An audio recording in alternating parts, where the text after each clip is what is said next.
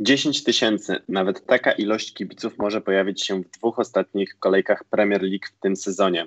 Jest to jednak melodia przyszłości. Mamy połowę marca, na Wyspach aktualnie zwalnia się trenerów, jedni strzelają piękne bramki raboną, inni stoją w korkach i nie chodzi mi o te piłkarskie.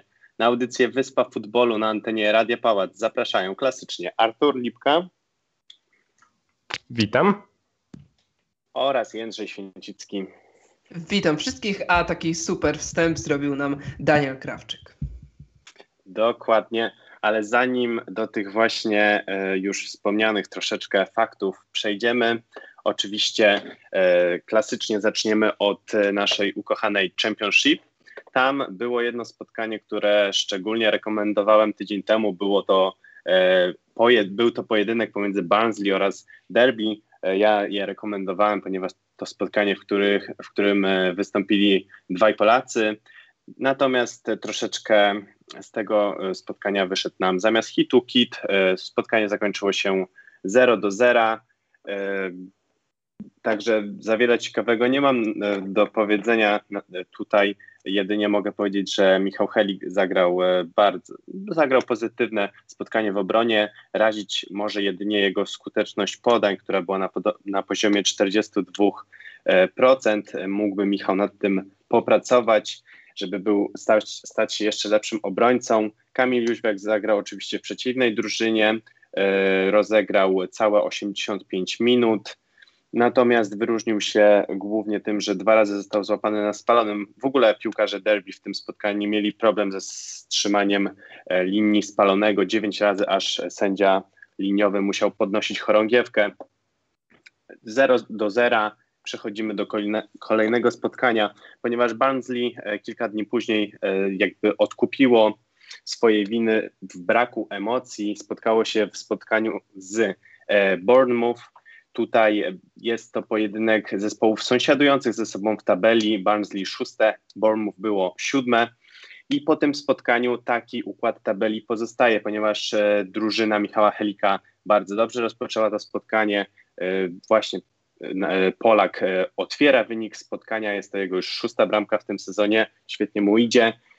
Po kilkunastu minutach zawodnik Bournemouth wyrównał Wydawało się, że takim wynikiem zakończy się pierwsza połowa. Wtedy swoje grosze dorzucił e, Dominik Solankę, zawodnik, którego możemy kojarzyć innymi z występów w Liverpoolu oraz Chelsea. Także 2-1 było dla e, drużyny Bournemouth. W drugiej połowie trzy zmiany w drużynie Barnsley, które zdecydowanie napędziły ich grę. Dominik e, Fraser wyrównuje stan spotkania, natomiast w ostatnich 10 minutach e, sprawę wyników w swoje, w swoje ręce, a raczej nogi wzięli zawodnicy, którzy najlepiej są dysponowani w tym sezonie w Barnsley, czyli e, Carlton Morris e, strzelił bramkę, a asystował mu natomiast Monwot, którego tydzień temu wspominałem, że ma bardzo dobry sezon. Była to już jego siódma asysta. Dzięki temu wynikowi drużyna Barnsley buduje przewagę nad Bournemouth, ma już e, pięć punktów pewnej przewagi nad nimi, zadaje im szóste miejsce, które jest bardzo ważne w kontekście walki o playoffy. Derby County natomiast w weekend zagrało gorzej niż w poprzednim spotkaniu. Przegrywa z Millwall 0 do 1.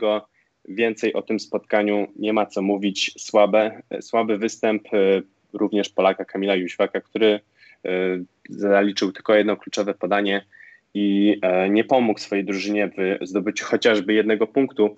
W oczy mi się natomiast rzuciła ciekawostka natomiast derby, że najlepiej ocenianymi zawodnikami e, tego zespołu na Sofa Score jest aktualnie Kamil Bielik. Oczywiście on nie gra. Drugie miejsce to Wayne Rooney. Wayne Rooney. Oczywiście on również nie gra. On teraz prowadzi tą drużynę, także dwóch najlepszych zawodników nie, nie ma szans, żeby zagrali do końca sezonu w ich barwach. E, zgoła odmienna sytuacja panuje w drużynie, e, w której występował na co dzień Przemysław Pocheta. Mówię występował, ponieważ w ostatnich tygodniach ta sytuacja się zmieniła. Drużyna Narków e, dalej podtrzymuje swoją wysoką formę, ósme zwycięstwo z rzędu, natomiast Przemysław Pocheta już nie ma takiego wkładu w w wyniki Kanarków. tam oczywiście dalej najlepszym zawodnikiem jest Tim Puki, który strzela jak na zawołanie. Trzy bramki dorzucił w ciągu tego tygodnia. Dobrze też dysponowany był Cantwell, który strzelił dwie bramki, dorzucił również jedną asystę. Ci panowie w tym tygodniu ciągnęli Norwich do zwycięstwa. Mm, I chyba to byłoby na tyle. W tabeli robi się ciekawa sytuacja. Robi się sytuacja nawet podobna do tej w Premier League, ponieważ pierwsze miejsce wydaje się e, być e, pewne dla drużyny Norwich, natomiast jest e, duży ścisk między drugim a czwartym miejscem, tam jedynie trzy punkty i tutaj drużyna Watfordu, Swansea, Brantfordu oraz Reading będą, będą te zespoły do końca walczyły o, o bezpośredni awans do Premier League. Będzie na pewno ciekawie, będzie o czym mówić w przyszłych audycjach o Championship. Teraz natomiast e, możemy się przenieść do Premier League. E, tam na północy Londynu było spotkanie, które pokusiliśmy się tydzień temu o e, wytypowanie, kto miał rację, powie nam Jędrzej i myślę, że to z uśmiechem na twarzy powie. Dokładnie tak. Miałem, ma, mam teraz uśmiech na twarzy, bo miałem rację. Naprawdę, dokładnie takiego spotkania się spodziewałem, więc czuję podwójną satysfakcję, bo ten strzał z zeszłego tygodnia, kiedy powiedziałem, że według mnie wygra Arsenal, był przemyślany i trafny, nie był taki z nie, nie był taki pod wpływem emocji, czy jakichś tam uczuć do Tottenhamu, czy Arsenalu, tylko racjonalnie stwierdziłem, że Arsenal jest mocniejszy. Dobrze, nie ma co się chwalić. Przejdźmy do derbów północnego Londynu. Przed nimi myślę, że trudno było wytypować, która drużyna wygra, która drużyna jest w lepszej sytuacji, ponieważ i Arsenal, i Tottenham naprawdę grają nieźle w porównaniu do zeszłych miesięcy. Ten ostatni luty i marzec są dla nich naprawdę dobrym czasem, co obie drużyny potwierdziły w Lidze Europy w czwartek. Arsenal bez problemu na wyjeździe pokonał 3-1 Olympiakos, powinien wygrać nawet 3-0, ale jedną bramkę dla Olympiakosu właściwie sami zawodnicy Mikela Artety sobie strzelili i we własnym stylu do dokonali takiej samo, takiego samo zaorania, ale potem y, udało im się strzelić dwie bramki i naprawdę fajną zaliczką spodziewają się teraz kolejnego, już myślę, że łatwiejszego spotkania w następnej kolejce Ligi Europy w rewanżu oczywiście. Z kolei Tottenham też bez większych problemów wygrał 2-0 z, Dynam z Dynamem Zagrzeb. Ten mecz może być Trudno mówić o formie Tottenhamu akurat bazując na tym meczu. Przeciwnik bardzo słaby, który zmaga się z skandalem, tak można powiedzieć. Trener Dynama jest podejrzany, chyba już nawet udowodniono mu to, że jest, że, że popełnił przestępstwo, możliwe, że traci, trafi do więzienia. Dodatkowo Dynamo Zagrzeb nie jest obecnie w najlepszej kadrowej formie, dlatego to zwycięstwo i to na własnym stadionie było dla Tottenhamu formalnością. Obie drużyny po tych zwycięstwach i po dobrym okresie, bo naprawdę, no tak jak powiedziałem, ostatnie mecze wyglądały bardzo porządnie. Tottenham wygrał m.in. z Crystal Palace, z Fulham i z Barney. Wiadomo, że to nie są może najlepsi przeciwnicy, ale te zwycięstwa były przekonywujące. 4-0 z 4-1 z Crystal Palace, 1-0 z Fulham, 4-0 z Barney. No myślę, że kibice Tottenhamu mogli pozytywnie patrzeć na te derby. Z kolei Arsenal w ostatnich tygodniach pokonał Leicester Leicester, pokonał Benfikę, y, wspomniany już Olympiakos, dlatego też byli, myślę, przed tym meczem nastawieni y, dobrze. Jeśli chodzi o samo spotkanie, nie rozczarowało. Na pewno było jednym z tych hitów, które y, rozgrzewają kibica, nie rozczarowują. Przyzwyczailiśmy się już w tym sezonie do słabych hitów, szczególnie Manchester United serwował nam bezbramkowe remisy. Do tego Tottenham też z Chelsea zremisował, potem w rewanżu z Chelsea wygrał tylko 1 do 0 i no, w tych, tych hitach po prostu w tym sezonie nie było zbyt ciekawie. Derby jednak północnego Londynu nie rozczarowały. Zaczęły się bramką. E, właściwie zaczęło się od dominacji, totalnej dominacji Arsenalu. Arsenal ruszył do przodu i już sobie tak powiedziałem, oho, miałem rację. Dokładnie dzieje się to, czego się spodziewałem. No ale niestety Arsenal, jak to Arsenal, mimo swojej przewagi nie umiał tego udowodnić bramkowo i w 33 minucie stracił gola ze sprawą fantastycznego strzału Erika Lameli, który z Rabony pokonał Bernarda Leno. Potem Arsenal cały czas atakował. Ta bramka nie podcięła im skrzydeł, próbowali atakować, szczególnie flankami. Bardzo sobie dobrze radzili. Gra na skrzydłach totalnie siadła w Arsenalu. W Tottenhamie oczywiście Matt Doherty, Sergio Reguilon nie dawali sobie rady z przede wszystkim Kieranem Tierneyem, ale też Cedriciem Soaresem. Thomas Partey często wchodził od boku, co jest dosyć zaskakujące. No i ostatecznie akcja tym bokiem poszła. Piłkę dostał Martin Odegaard i skierował ją do siatki. Na przerwę schodziliśmy z wynikiem 1 do 1. W drugiej połowie obraz meczu się nie zmienił. Cały czas Arsenal dominował i strzelił bramkę z rzutu karnego mm, do siatki trafił Aleksander Lacazette. Może o rzucie karnym porozmawiamy zaraz. Mm, potem jeszcze przed końcem spotkania z boiska wyleciał Eric Lamela za drugą żółtą kartkę. Kompletnie bezmyślne zachowanie Argentyńczyka, który po prostu walnął y, piłkarza Arsenalu ręką. Nie wiem dlaczego, nie wiem po co z boiska wyleciał.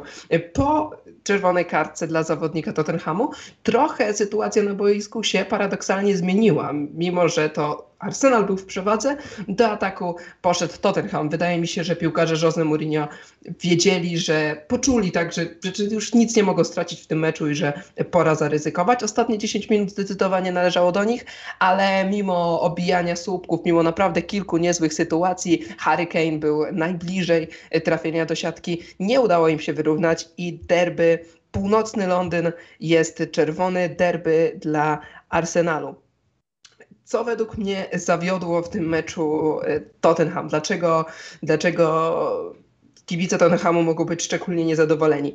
Mm, według mnie, nie wiem czy się panowie ze mną zgodzicie, myślę, że ten mecz oglądaliście, więc swoje trzy grosze dorzucicie, ale według mnie Jose Mourinho w swoim stylu chciał zabić ten mecz. Chciał, ustawił się tak defensywnie, w ogóle nie próbując atakować że po prostu to musiało się tak skończyć, że albo to, to by się skończyło remisem 0-0, jeżeli Arsenal bałby się też zaryzykować, albo, albo właśnie miało się to skończyć tak, jak się skończyło. Arsenal ruszył do przodu i Tottenham, który chciał zabić ten mecz, nie był zainteresowany atakiem. Wydawało się od początku meczu, że im remis wystarczy, albo ewentualnie strzelą bramkę i będą murować murować swoją bramkę, no to im kompletnie nie wyszło. Według mnie zawiodło nastawienie i taktyka Jose Mourinho zbyt, zbyt defensywna. Ta taktyka którą on stosował dekadę temu, jest już przestarzała i tak się po prostu nie da za bardzo grać. Trudno jest bronić bramki przez cały mecz. Ponadto trudno to robić, mając takich zawodników w obronie jak Davinson Sanchez, jak Matt Doherty, jak e, Ndombele, który zagrał jeden z najgorszych meczów e, w sezonie, jak w ataku nie ma się Sona, który zszedł z kontuzją, jak ma się mm, Gareta Bale'a, który ma wahania formy właściwie od trzech lat i, i po prostu kadrowo Tottenham nie był przygotowany do tego, żeby zagrać tak, jak Jose Mourinho to sobie życzył. On chciał wyjść defensywnie, ale zapomniał, że nie ma już czy Johna Terego jak w Chelsea, czy Ramosa jak w Realu i po prostu to nie działa, jak ma się na obronie Davinsona Sancheza. I, no i według mnie to zawiodło po prostu. Arsenal nie bał się atakować, Arsenal nie przyjechał na, na ten mecz po podział punktów, po jeden punkt przyjechał, żeby wygrać i po prostu to spotkanie wygrał i zagarnął trzy punkty. Warto odnotować to, że w meczu nie zagrał kapitan Arsenalu e, Pierre-Emerick Aubameyang. E, decyzja dosyć kontrowersyjna, ale w ogóle nie związana z piłką nożną. Jak dowiedzieliśmy się już po meczu, Gabończyk spóźnił się na zbiórkę i Miguel Arteta stwierdził, że skoro Aubameyang nie traktuje go na poważnie, nie traktuje klubu i jakiejś takiej, takich zasad panujących w Arsenalu na poważnie, no to niestety nie ma dla niego miejsca w składzie odważny, kontrowersyjny ruch, ale ja jak najbardziej się z nim zgadzam. Dobra, panowie, co sądzicie o tym hicie? Bo on mnie rozczarował, więc może dwa zdania powinniśmy jeszcze o nim powiedzieć. Ja najpierw chciałbym zacząć od tego, co też mnie e, troszeczkę mm, zaskoczyło, właśnie, że nie było Obama Younga. W internecie e, krąży zdjęcie, w którym widać, jak e, właśnie Gabończyk swojej sportowej furze stoi w korkach. Jak widać, e, jego mimo że jest piłkarzem wybitnym, może przesadziłem z wybitnym, jest bardzo dobrym piłkarzem, to jego takie drogowe sytuacje e, też nie omijają. Natomiast przechodząc do meczu i właśnie nastawienia Jose Mourinho, on już trochę na konferencji prasowej można było pomyśleć, że e, zdradza swoje nastawienie, mówił, że nie patrzy za siebie, nie patrzy na zespoły, które są za nim w tabeli i być może chodziło Mourinho o nawet remis w tym spotkaniu, czy jakieś... Ale właśnie to są e, tajemnicze słowa. Czy on chciał im powiedzieć, że e, wy jesteście słabi, weźcie się nam, z nami nie, nie, nie porównujcie w ogóle, czy, czy chciał powiedzieć, że będzie bronił remis, remisu i, i, i, że jeden punkt go interesuje? No są takie teorie, jak, jak mówisz, że, że Jose Mourinho od początku chciał jeden punkt, no ale to jakoś się, według mnie to nie ma sensu. W sensie wiesz, że Mourinho tak zrobił, bo Mourinho jest trenerem bardzo ekstrawaganckim, ale walcząc o Ligę Mistrzów i wiedząc, że jednak do tego czwartego miejsca, czy trzeciego, na którym jest Chelsea i Leicester ma się stratę tych pięciu, sześciu, siedmiu punktów, no trzeba po prostu zaatakować, tak mi się wydaje. A on jakby był zadowolony miejscem ósmym Tottenhamu, co brzmi w ogóle absurdalnie. Tak jest, nie ma co oglądać się za siebie, tylko trzeba gonić czołówkę, bo ta E, ucieka, to, ucieknie Tottenhamowi, jeśli będą mieli takie nastawienie. Widać, że te wy, wysokie wyniki w poprzednich spotkaniach, to jak była, była jakaś delikatna anomalia, było to też spowodowane oczywiście gorszymi rywalami, dobrym kalendarzem i dlatego Tottenham powiedzmy wyszedł na delikatną prostą. E, tutaj jednak Arsenal, który jest aktualnie chyba lepiej zarządzany taktycznie od drużyny Tottenhamu, pokazał im e, na czym polega piłka nożna, na czym polega walka e, o punkty po prostu po, po słabym starcie Arsenal. Ja, ja, ja bym szedł w taką odwaga boomerską analizę. Wiem, że to nie jest fajne, bo to taki jest jak kibice przed telewizorem tylko, ale naprawdę Arsenal chciał wygrać mecz i wygrał. Tottenham nie chciał wygrać meczu i nie wygrał. I tak naprawdę po meczu, po tym spotkaniu derbowym nie powinniśmy się niczemu dziwić. Mam do ciebie, Danielu, pytanie w takim razie. Czy myślisz, że ta przegrana Tottenhamu jak bardzo przekreśla ich szanse na Ligę Mistrzów w przyszłym sezonie, tą wywalczoną w lidze, bo, bo pomińmy Ligę Europy i, i dostanie się do Ligi Mistrzów trochę okrężną drogą. W tym momencie Tottenham ma ósme miejsce i do czwartej Chelsea brakuje i mu sześciu punktów. Czy myślisz, że to jest um, osiągalne, patrząc na Tottenham i na ich formę ostatnią i między innymi dyspozycję w tym meczu z Arsenalem? E, ja znowu poruszę teorię, w której twierdziłem, że Jose Mourinho skupi się na Lidze Europy, bo to będzie najłatwiejsza furtka, żeby trafić właśnie do tej Ligi Mistrzów. Patrząc na tabelę, y, coraz bardziej się w tym utwierdzam, bo zrobiła się już przewaga, którą co prawda w, ta, w tym sezonie każda przewaga bardzo szybko potrafi stopnieć, jednak e, patrząc na, na to, jak przez cały sezon sobie radzą te zespoły, widzimy, które są raczej pewnymi zespołami, a które mają e, raczej wahania formy i to ten do tych pewnych na pewno bym nie zaliczył. E, ciężko im idzie zdobywanie punktów z tymi lepszymi rywalami. Zdobywanie na tych słabszych kilku bramek i trzech oczek może nie wystarczyć, dlatego ja bym stawiał na tą Ligę Europy zdecydowanie. No to, to, jakby chyba nic dodać, nic ująć, tak mi się wydaje, bo mamy, kształtuje nam się to top 4, czy, no tak, to top 4 czy top 3, no bo jednak Chelsea, czwarta Chelsea ma stratę 5 punktów do trzeciego Leicester, no i to wszystko ucieka gdzieś to ten Hamowi, a czy patrząc na tabelę, Arsenal, który ma w tym momencie 41 punktów, zajmuje dziesiąte miejsce, też myślę, że o Lidze Mistrzów jeszcze nie ma co myśleć po prostu w tym sezonie. Myślę, że to jest nieosiągalne, bo do czwartej Chelsea brakuje im 10 punktów, no to 10 punktów w 10 meczach odrobić, to, to by był nie lada wyczyn, naprawdę, biorąc pod uwagę to, jaka jest konkurencja i ile drużyn bije się o to trzecie i czwarte miejsce. Wydaje mi się, że City United to są takie pewniaki, no ale mm, reszta, Leicester, Chelsea, dobrze dysponujący ostatnio West Ham, Liverpool i Everton i dodajmy do tego Tottenham. Myślę, że dla Arsenalu to jeszcze są za wysokie progi, ale widać chyba coś pozytywnego w grze podopiecznych Mikiela Artety. Widać, że po takim no, strasznym kryzysie, jaki mieli w 2020 roku, teraz robią progres i z meczu na mecz wyglądają coraz lepiej i z tej kadry, którą mają, przecież wcale nie najlepszej, wyciska Arteta wszystko, co może. Według mnie to pokazują przykłady takich zawodników jak Odegaard, który bardzo szybko wszedł do drużyny i stał się jej liderem. Emil Smith-Rowe oczywiście, młodziutki zawodnik, dostał szansę i Arteta z tego czerpie po prostu. Bukayo Saka. Pepe nawet grał ostatnio lepiej niż w tych pierwszych swoich miesiącach w Premier League. Dodatkowo, jeżeli Lacazette i Aubameyang podtrzymają niezłą formę strzelecką, no to myślę, że w przyszłym sezonie Arsenal powoli będzie myślał o Lidze Mistrzów i będzie mógł się o nie bić. Nie wiem, czy, co wy o tym panowie sądzicie, tak już gwoli podsumowania tego spotkania.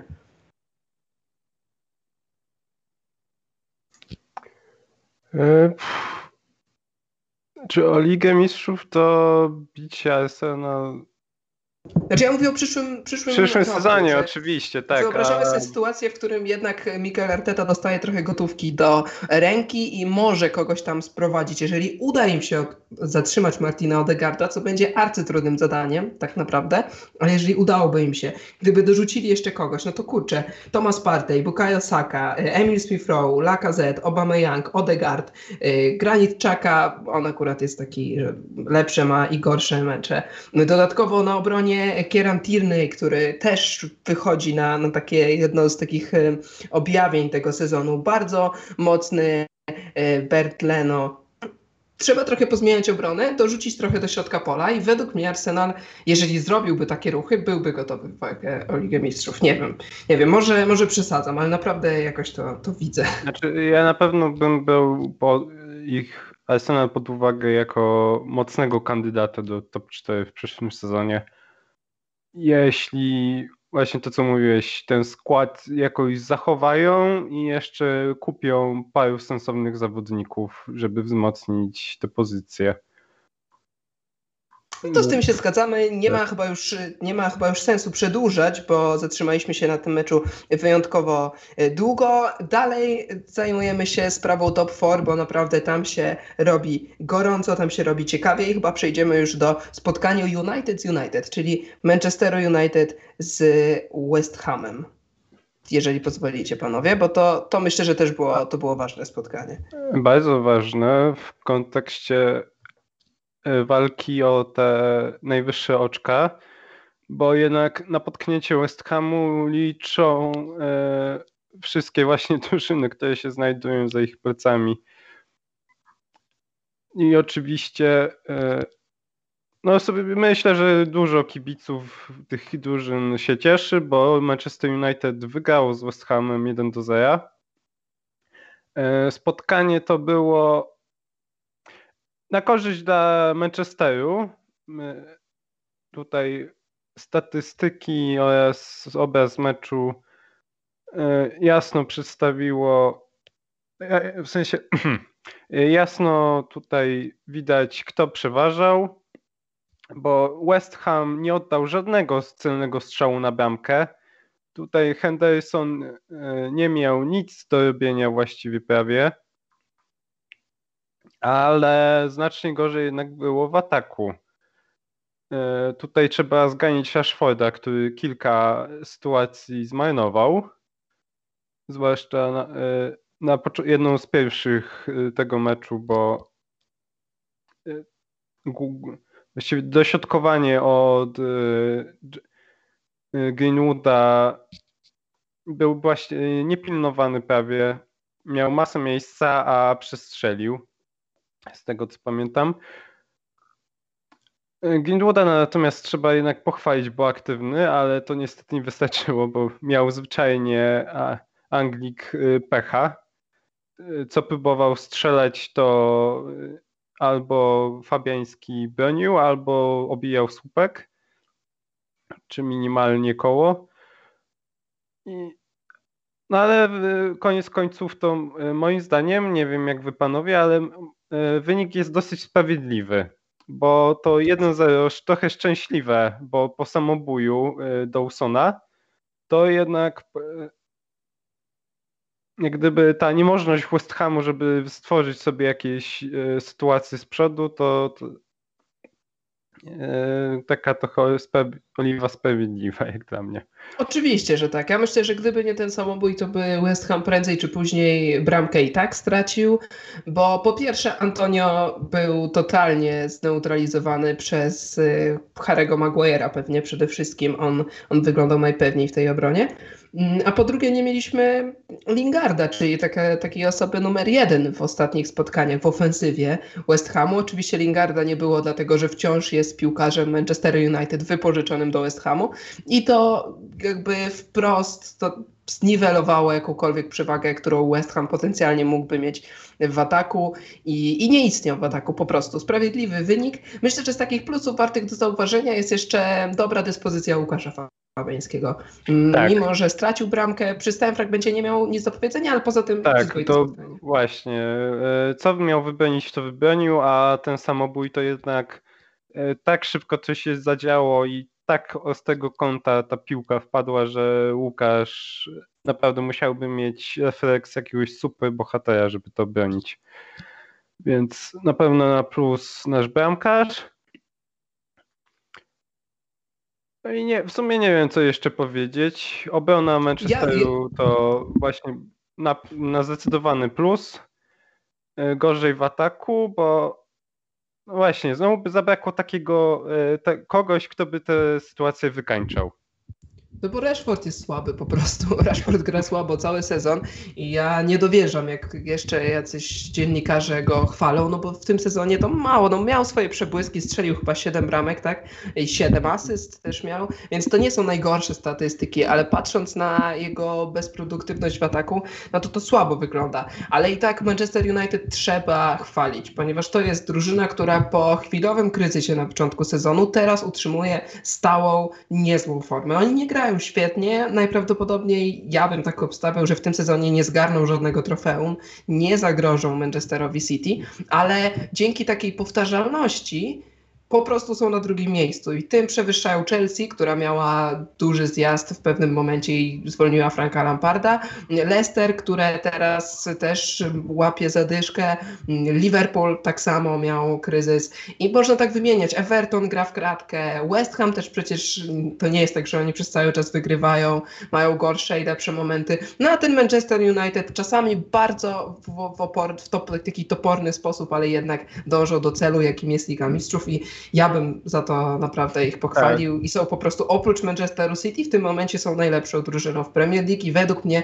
mm, mógłbym postawić wiele na to, że po prostu już skończą na tym drugim miejscu, czy ewentualnie trzecim, ale nawet tego się nie spodziewam. Więc taki ten mecz trochę pokazał nam to, że Manchester United nie jest świetny, że piłkarsko im jeszcze wiele brakuje, szczególnie w ataku, bo w obronie naprawdę świetna, świetna gra Shaw'a, nie najgorsza też pozostałych zawodników, no i, no i też ta, na, na lidera wreszcie wyrósł Harry Maguire. No, w ataku wygląda gorzej, ale i tak powtarzalność, stała forma i, i gdzieś jeszcze jednak taka, tak, taki sposób na grę w Anglii mm, trenera Manchesteru United, czyli um, Ole Gunnara Solskiera jest, więc ja bym chwalił Manchester United po tym meczu, mimo że nikt nie zagrali najlepiej. Też takim plusem, który mm, w tym sezonie daje im te punkty i e, powiedzmy stabilizację jest to, że unikają jednak tych kluczowych graczy kontuzje właśnie Luke Shaw, Harry Maguire i Bruno Fernandes. Te kluczowe postacie w Manchester United w tym sezonie e, nie pauzują ze względu na kontuzję to oczywiście wiele daje. Widzimy na przykładzie Liverpoolu, jak e, strata tak kluczowych ogniw e, wiele zabiera punktów i praktycznie e, powstrzymuje jakiekolwiek marzenia o top, top 4, a co dopiero jakichś europejskich pucharach. No Jedziemy tak. chyba dalej, zostawiamy, jeżeli panowie chyba pozwolicie, bo nie ma co przedłużać po prostu. Mamy jeszcze wiele meczów do omówienia.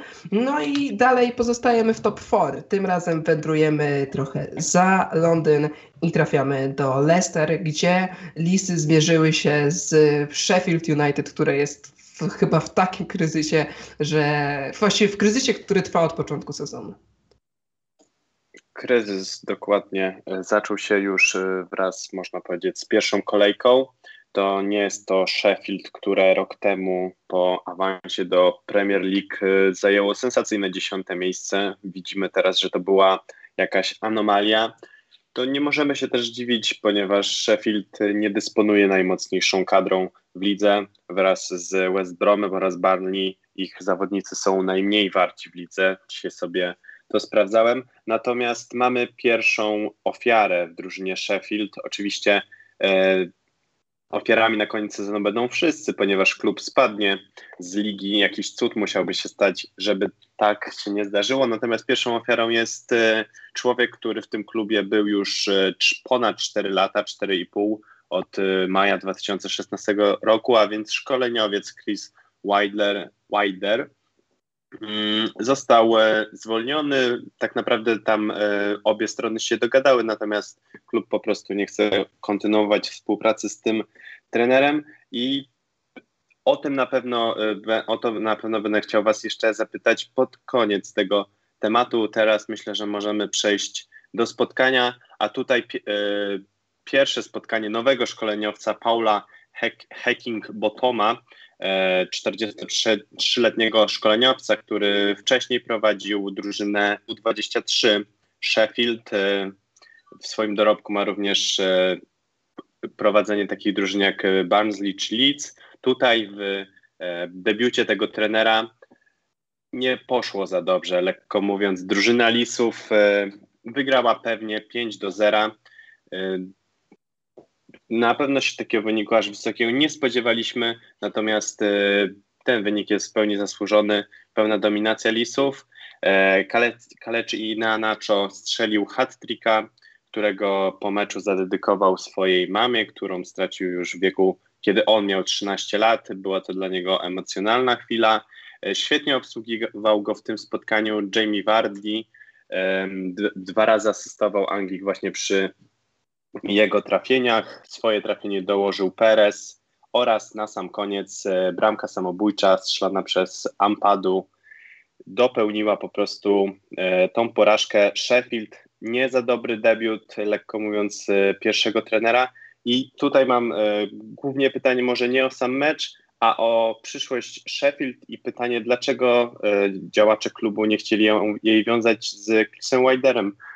Wiadomo, spadek to poniżej oczekiwań na pewno klubu w tym sezonie, jednak ten trener pokazywał, on dwa razy prowadził ich do awansu, najpierw z League One do Championship, z Championship do Premier League, później świetny sezon i e, teraz po gorszym, po, po słabym sezonie y, zwalniają go. Natomiast pytanie, czy za rok e, nie powtórzyłby swojego sukcesu i znowu by nie wrócił do, do tej Premier League. Ten człowiek wydawał się odpowiedni na swoim stanowisku, mimo tych wyników, e, jakie notował w tym sezonie. Co o tym sądzicie? Problem z Sheffield jest taki, że właściwie to jest drużyna, która nigdy nie miała takiego teoretycznego prawa do dobrej gry w Premier League. To, co się działo w zeszłym sezonie, było po prostu jakimś wyjątkiem, jakimś, e, nie wiem, no nie chcę powiedzieć wypadkiem przy pracy, bo im właśnie dobrze szło, ale to było coś, coś, coś, według mnie to jakoś tam można porównać do Mistrzostwa Anglii Leicester 5-6 lat temu już. To naprawdę to, że oni dobrze tak grali, mając w składzie takich zawodników e, w ogóle nieznanych właściwie i składających się właściwie tylko z Brytoli, którzy kiedyś grali w drugiej lidze angielskiej, w lidze szkockiej, raczej nie mieli doświadczenia z grą w Premier League i zajmowali miejsce w pierwszej dziesiątce, to było po prostu osiągnięcie dla nich jak Mistrzostwo Anglii, według mnie. I to, że oni teraz źle grają i że przegrywają, jest po prostu czymś naturalnym i czymś, co mogliśmy się spodziewać już w zeszłym sezonie. Nie zrobili żadnych dobrych transferów. Jedyny, jedyne takie posunięcie na plus to ściągnięcie, wypożyczenie właściwie Itana Ampadu z Chelsea, który dobrze dobrze wszedł do składu i odnajduje się w, tej, mm, tej, w tym ustawieniu z pięcioma obrońcami, znaczy z trzema stoperami i dwoma wahadłowymi. Tam, tam i ten napadu wypada naprawdę bardzo dobrze, no ale poza tym żadnych poważnych wzmocnień. Bardzo słaby Brewster i, i tyle lista zakupów w Sheffield nam się zamyka. No to na czym oni ten skład mieli budować? No za bardzo możliwości nie było, więc nie, nie za bardzo rozumiem, czego oczekiwały władze klubu. Według mnie Wilder robił tam bardzo dobrą robotę i powinien zachować pracę, żeby te, już teraz przygotowywać się do sezonu kolejnego w Championship i, i powoli odbudowywać to, na co pracował latami i co udało mu się osiągnąć w zeszłym sezonie. Według mnie to jest niezrozumiała decyzja. Tak, to, to na pewno, bo przecież w zeszłym sezonie Sheffield osiągnął niesamowity wynik, jak na Beniaminka. A to, że po długim sezonie właśnie tak e, znacznie gorsza forma i już, no może nie matematycznie, ale na pewno spadają, no to to też się zdarza i to bardzo często e, to w różnych ligach, więc ja się w pełni zgadzam z Andrzejem, że to zupełnie niezrozumiała e, zupełnie niezrozumiała decyzja władz i co tu dużo więcej mówić. Na, na mm. pewno brawa dla Leicester, że potrafiło. Znaczy, to akurat z Sheffield to każ, prawie każda drużyna potrafi wypunktować, ale e, tutaj kontynuują swoją e, no dobrą formę i gonią wciąż United po tytuł wicemistrza. Tak jest. Zamykając ten temat, e, chciałem tylko dodać, że jest to trzeci trener który w tym sezonie został zwolniony. Pierwszy był Slaven Bilic. Jak wiemy, sama Allardyce nie odwrócił losów. E, West Bromwich Albion. Trzeci, drugim trenerem zwolniony był Frank Lampard, trzeci jest Chris Wilder. A wspominając o, o Lampardzie, nie możemy z, nie wspominać o Chelsea, która w ten weekend e, zmierzyła się z drużyną Leeds Marcelo Bielsy. Czy Thomas Tuchel podtrzymał dobrą formę e, Londyńczyków? Z jednej strony tak, z drugiej strony nie. Trudno odpowiedzieć jednoznacznie na to pytanie, bo rzeczywiście Chelsea nie przegrała, przedłużyła tą serię, nadal Thomas Tuchel pozostaje niepokonany w Chelsea. Sam jako trener ostatni raz przegrał jesienią zeszłego roku, więc, więc ta seria, nawet biorąc pod uwagę tylko i wyłącznie jego, trwa już długo, więc można być zadowolonym, on może być zadowolonym, ale to nie był dobry mecz dla Chelsea i różne aspekty tego spotkania pokazywały nam, jaką drużyną jest Chelsea w tym sezonie. Według mnie ten mecz był bardzo mm, taki miarodajny. Jeżeli ktoś by chciał dowiedzieć się, jak gra Chelsea w tym sezonie, no to poleciłbym obejrzenie meczu z Evertonem w zeszłym tygodniu i z Leeds United w tym. To były mecze, które składają się w całość i pokazują po prostu oblicze The Blues w sezonie 2020-2021. Cały mecz był właściwie Trudno powiedzieć, żeby ktoś dominował. Obie strony miały dużo sytuacji, często te sytuacje były mm, spowodowane błędami w defensywie, to szczególnie mowa o defensywie Leeds United, które nie było najlepiej dysponowane, często sami stwarzali sobie te sytuacje, znaczy stwarzali Chelsea sytuacje bez udziału zawodników Tomasa Tuchela.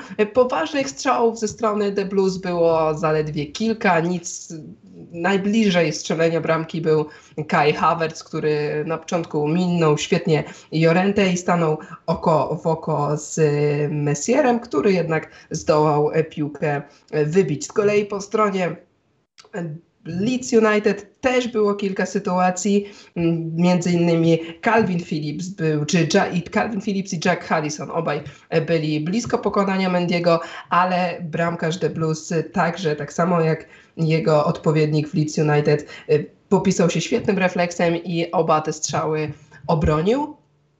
Mecz zakończył się wynikiem 0 do 0 i jeżeli pozwolicie, pominę trochę Leeds United. Oni zagrali przyzwoicie, szczególnie w środku pola. Obrona też, która w ostatnich meczach nie spisywała się najlepiej, bo Leeds naprawdę dużo bramek traci w tym sezonie i jeśli chodzi o bramki stracone, no to jest w strefie spadkowej, jeżeli byśmy ustalali taką, taką tabelę w Premier League w tym sezonie. Mm, warto odnotować kontuzję Patryka Bamforda jeszcze, to jest ważne, szczególnie dla graczy fantazy Premier League, piłkę Anglii, który strzelił 13 bramek w tym sezonie, jeżeli się nie mylę, więc jego strata na pewno może zaboleć Leeds United oraz każdego y, menedżera fantazy, który go posiada. Y, przeszedłbym jednak do Chelsea. Dziwne ustawienie Tomasa Tuchela na to spotkanie. Niemiec wyszedł z, znowu klasycznie z trójką środkowych obrońców i z dwójką wahadłowych, tylko tym razem zdecydował się postawić na mm, Krystiana Pulisika na prawym wahadle i to oznaczało, że teoretycznie Chelsea powinna być bardziej ofensywna, ale to nie wyszło. Chelsea nie kreowała zbyt dużo sytuacji, Pulisic zagrał słabo, na skrzydle grający Hakim Ziyech też nic wielkiego nie pokazał. W ataku na pewno najaktywniejszy był Kai Havertz i Mason Mount, co może cieszyć kibiców Chelsea, bo zwłaszcza ten pierwszy nie był w najlepszej formie w tym sezonie. No ale i tak, skierowanie w sytuacji było bardzo trudno i Chelsea zasłużenie tego meczu nie wygrała po prostu.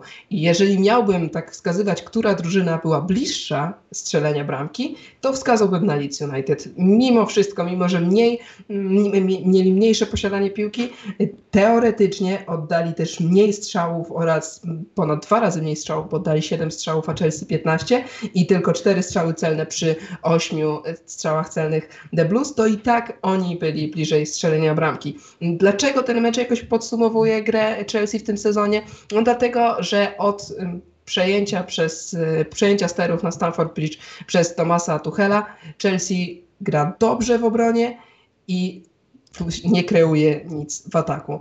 I po prostu to było aż, aż nadto tego, tych przykładów było w tym spotkaniu, kiedy Chelsea świetnie grała w obronie, świetnie przejmowała piłkę za sprawą Jorginho e, czy Kante, ale dochodziła do pola karnego i nagle piłkarze The Blues nie wiedzieli, co zrobić, nie wiedzieli, czy, czy oddawać strzały, czy podawać. No i najczęściej kończyło się to przejęciem piłki przez Leeds albo jakimś takim nieudanym, nieprzygotowanym e, strzałem. Kończy się mecz 0 e, do 0.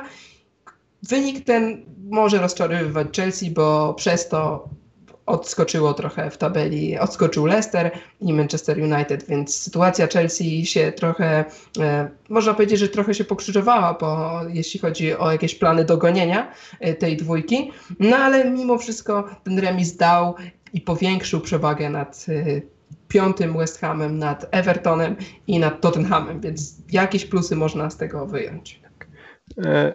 Mi bardzo rzuca się w oczy brak jednego piłkarza na murawie. Możecie mnie obśmiać, ale moim zdaniem tutaj brakującym elementem tej układanki był Olivier Giroud na którego zwyczajnie można byłoby piłkę dośrodkować, podać byle jak i on po prostu na hama by jak moim zdaniem coś z tym zrobił. Oczywiście, że tak. Zwłaszcza, że obrona Leeds gra słabo, naprawdę gra słabo, traci dużo bramek, a w tym meczu nawet Chelsea nie spróbowała wymusić na nich żadnych błędów. A rzeczywiście Giroud umie takie rzeczy robić. No nie wiem, dlaczego tak się decydował Thomas Tuchel. Może chciał jeszcze e, Francuzowi dać trochę odpocząć przed ważnym środowym spotkaniem z Atletico. Nie wiem, nie mam pojęcia, ale zgadzam się z tym jak najbardziej. Dobrze, to myślę, że już y, Chelsea omówiliśmy w zupełności y, i przejdziemy do ostatniego spotkania, które będziemy szczegółowiej omawiać, mianowicie Southampton kontra Brighton. I tutaj niestety, ale tak już właściwie klątwa, która wisi nad świętymi y, trwa.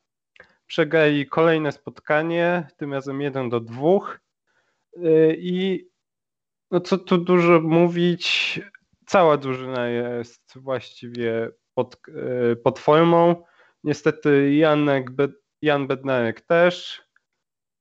Tutaj e, nie popisał się on przy drugim golu, kiedy, ponieważ to jemu właściwie uciekł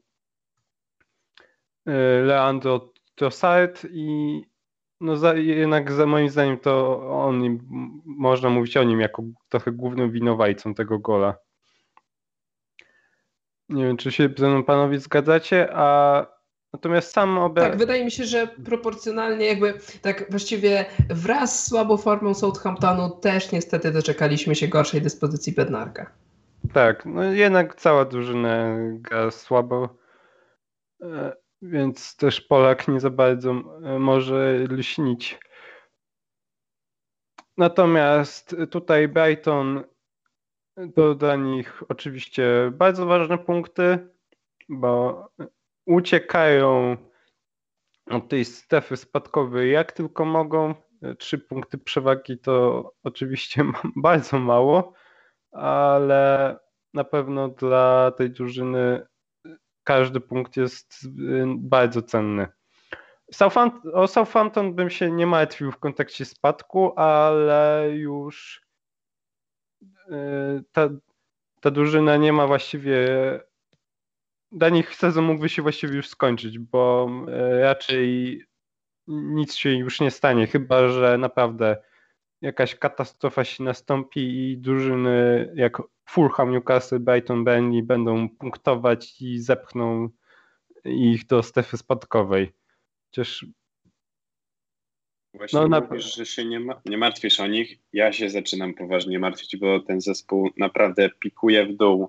E, jeśli brać by pod uwagę 15 ostatnich meczy, to oni są najgorszą drużyną w Premier League. Sheffield, e, West Brom, Newcastle, każdy od nich lepiej punktuje i po prostu oni potrzebują e, dwóch, trzech spotkań faktycznie, żeby utrzymać się w tej lidze, dwóch, trzech spotkań wygranych jednak przy aktualnej formie.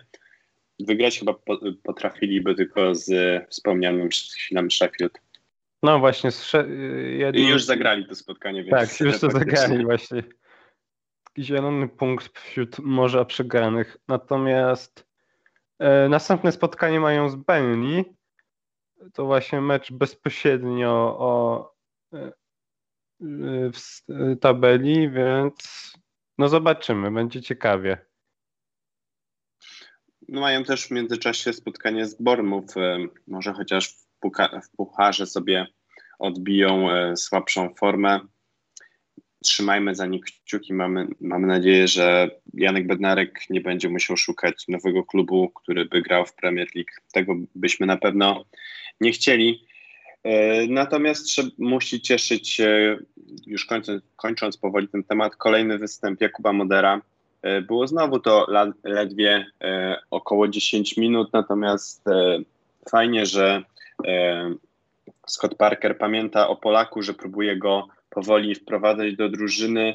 Ten, ten ciężko powiedzieć, jakie zanotuje spotkania, bo to są naprawdę małe ilości minut, natomiast E, na pewno buduje to jego pewność siebie. E, jest Jakub Moder w lepszej sytuacji niż Michał Karbownik, który chyba do końca sezonu będzie już grał w drużynie poniżej, e, do, w drużynie do, do lat 23. To chyba tyle mm, na temat formy Polaków w, w Premier League. Możemy się skupić delikatnie na pozostałych spotkaniach, jakie mieliśmy okazję oglądać w ten weekend, a zaczęło się w piątek spotkaniem Newcastle z Aston Villą. Tutaj padł remis. To, co najciekawsze, wydarzyło się pod koniec spotkania. Ciaran Clark, e, obrońca Newcastle, strzelił samobuja. Natomiast w jednej z ostatniej akcji meczu kapitan e, Jamal Lascelles strzela bramkę na wagę jednego punktu, który w kontekście walki o utrzymanie na koniec sezonu może się okazać nawet kluczowy dla drużyny e, Newcastle. Sobotnie spotkanie Crystal Palace z West Bromem zakończyło się zwycięstwem Orłów. Tutaj jedyną bramkę z rzutu karnego strzela również kapitan e, Luka Miliwojewicz. E, zapewnia Orłom trzy punkty i dzięki temu zajmują pozycję numer 11, wyprzedzają innymi Leeds i oni na pewno są pewnie utrzymania, e, zakończą w środku tabeli raczej ten sezon.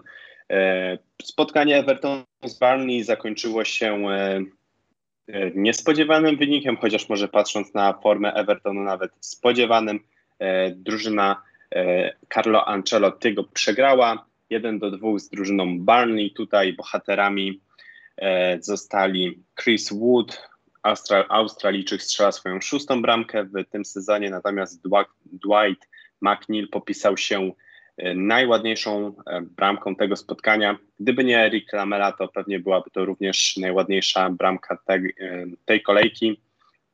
Natomiast Everton stać było jedynie na bramkę Dominika Carvelta Luina Natomiast, tak jak powiedziało, nie dało im to nawet jednego punktu. Manchester City Ej, pewnie kroczy. Tak. Jeżeli, jeżeli mogę Ci przerwać, mamy 10 minut, więc może powiemy dwa słowa o tym Evertonie, bo to jest ciekawy przypadek. Właściwie co audycję mówimy o nich to samo, że oni grają w kratkę i że nie ma bardziej chimerycznej drużyny od nich w tym sezonie. Mm, ale czy właśnie przez takie mecze nie, im, im, te marzenia o Lidze Mistrzów nie odpływają, bo kurczę, oni pokonali Liverpool, oni naprawdę pokazali w tym sezonie już nie raz, że umieją grać piłkę, jak chociażby w meczu z Manchesterem United ostatecznie zremisowanym, no a teraz znowu głupia strata punktów. Na co stać tę drużynę w tym sezonie według Ciebie? Kurczę, dobre pytanie Jędrzej. Mam wrażenie, że pod względem mentalności tych piłkarzy są, skończą poniżej. Hmm. Mentalność tych piłkarzy nie pozwala im, żeby przeskoczyć chociażby taki Liverpool, który aktualnie jest przed nimi w tabeli i mam wrażenie, że tam doświadczenie na koniec sezonu tych piłkarzy pozwoli im e, skończyć przed Evertonem. Natomiast e, coś tutaj właśnie szwankuje z tą koncentracją u piłkarzy, bo, ponieważ e, drużyna Barney nie jest najlepsza w lidze, wiemy o tym dobrze i takie spotkania po prostu trzeba wygrywać, a jak widać oni potrafią grać świetne spotkanie na e, Old Trafford, gdzie wywalczyli chociażby jeden punkt, potrafili pokonać również silniejszych rywali. Trzeba po prostu się skupić w takim meczu, tak mi się wydaje. Właśnie coś może w tym być, ale z drugiej strony, kurczę, oni mają na ławce trenerskiej Carlo Ancelottiego, czyli specjalistę nad specjalistów. Nie wiem, naprawdę, taki, tak, zadałem ci takie pytanie, bo sam nie umiem na nie odpowiedzieć, ale mnie to nawet trochę smuci, bo Everton to myślę, że fajna drużyna i dobrze byłoby ich zobaczyć w takiej pozycji serio rywalizującej z tą, tą topową czwórką czy szóstką, która przez ostatnie lata nam się utrwaliła. I no nie wiem, coś, coś jest z tą drużyną nie tak i to jest zaskakujące. To, jak oni potrafią zagrać dwa różne mecze, właściwie w jednym tygodniu potrafią zagrać mecz świetny, a potem e, beznadziejny. I zastanawiam się też, jak sobie poradzą na, podczas okienka transferowego w lato. Czy uda im się utrzymać zawodników, których mają, takich zawodników jak, jak James, jak Richarlison czy Calvert-Lewin i sprowadzić jeszcze kogoś, żeby po prostu grać lepiej i mieć taką stałą formę, czy jednak zostaną wyprzedani i, i po prostu inne kluby, najczęściej z Premier League, te zagarną te ich największe gwiazdy. To jest taki znak zapytania, z którym myślę, że, że zostaniemy, bo, bo nie jesteśmy sobie w stanie na to odpowiedzieć, ale według mnie Everton z dobrymi transferami, z utrzymaniem tej kadry, którą ma w tym momencie, mógłby grać o wyższe cele. Trochę taka sytuacja jak z Arsenalem, z tym, że chyba w Everton nawet bardziej wierzę niż w Arsenal. Ale zostawmy to rzeczywiście i przejdźmy do pozostałych meczów, bo czas jednak jest nieubłagany.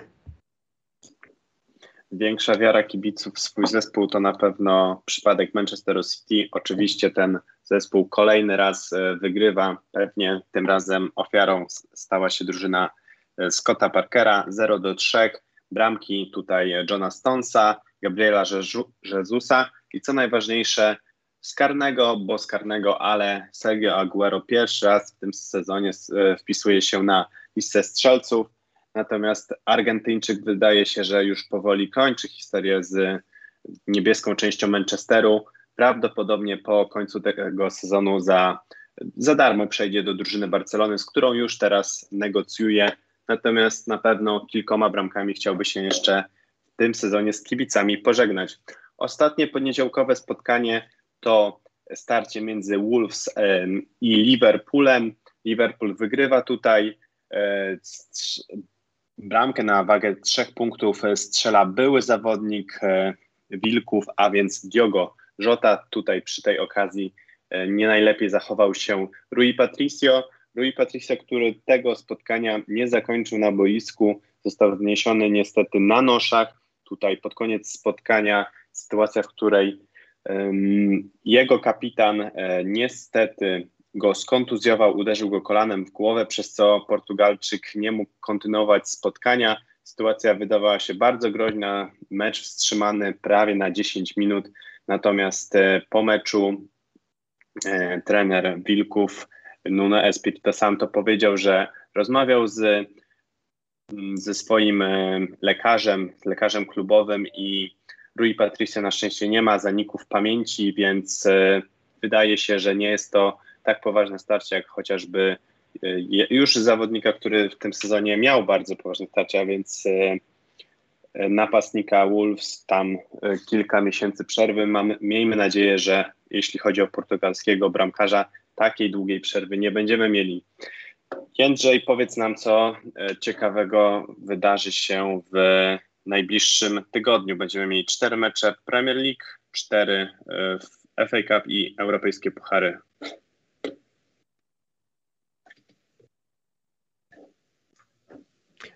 Mam wrażenie, że Danielu się pomyliłeś, bo to umawialiśmy się, że to moja rola będzie. E, tak. Z tego Błąd co pamiętam. Przepraszam. Dokładnie. Zapraszam. Tutaj już Jędrzej skonfudowany pewnie mocno.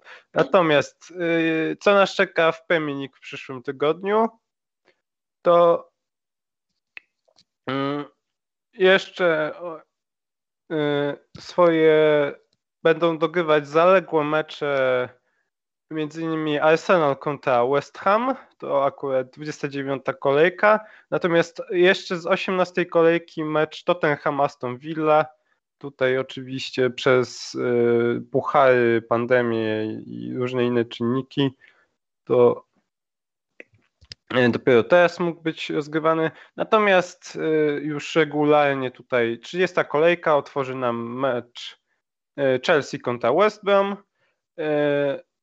Też ta kolejka ma aż dwa e, spore hity, bo Leicester zagra u siebie z Manchester City, że zaś Arsenal u siebie podejmie Liverpool. Manchester United będzie grał z Brighton, natomiast Everton z Crystal Palace, a kolejkę nam za, zamknie mm, kolejkę nam zamknie e, Wolves kontra West Ham. E, natomiast jeśli chodzi o puchary, to e, tutaj bym prosił o pomoc, bo gdzieś zagubiłem swoje notatki, na których to miałem zapisane. to ja naprawię swój błąd. Jeśli chodzi o puchary, Chelsea zmierzy się z Atletico Madryt. Jest to rewanżowe spotkanie. W pierwszym spotkaniu e, zwycięstwo Londyńczyków będą, be, y, będą bronili tej przewagi, a być może dołożą coś w tym spotkaniu, żeby pewnie przypieczętować awans. Y, w Lidze Europy grają y, trzy zespoły angielskie. Arsenal zmierzy się z Olympiakosem, AC Milan podejmie Manchester United, natomiast mm, natomiast Tottenham zagra z Dinamem Zagrzeb. Wszystkie zespoły mm, wydają się w komfortowej sytuacji, no poza Manchesterem e, United, gdzie w pierwszym spotkaniu padł remis. To by było na tyle. Wiemy, czego spodziewać się w nadchodzącym tygodniu. To, co było w poprzednim, zostało omówione. Ja za udział w tej audycji dziękuję Jędrzejowi. Dzięki wielkie. Arturowi. Dziękuję bardzo. Również podziękowania do naszego realizatora Krzysztofa. Oczywiście klasycznie zapraszam na nasze media społecznościowe. Jesteśmy na Instagramie, Facebooku. Tej e, audycji oraz innych możecie posłuchać również na Spotify. Dziękuję serdecznie. Słyszymy się za tydzień.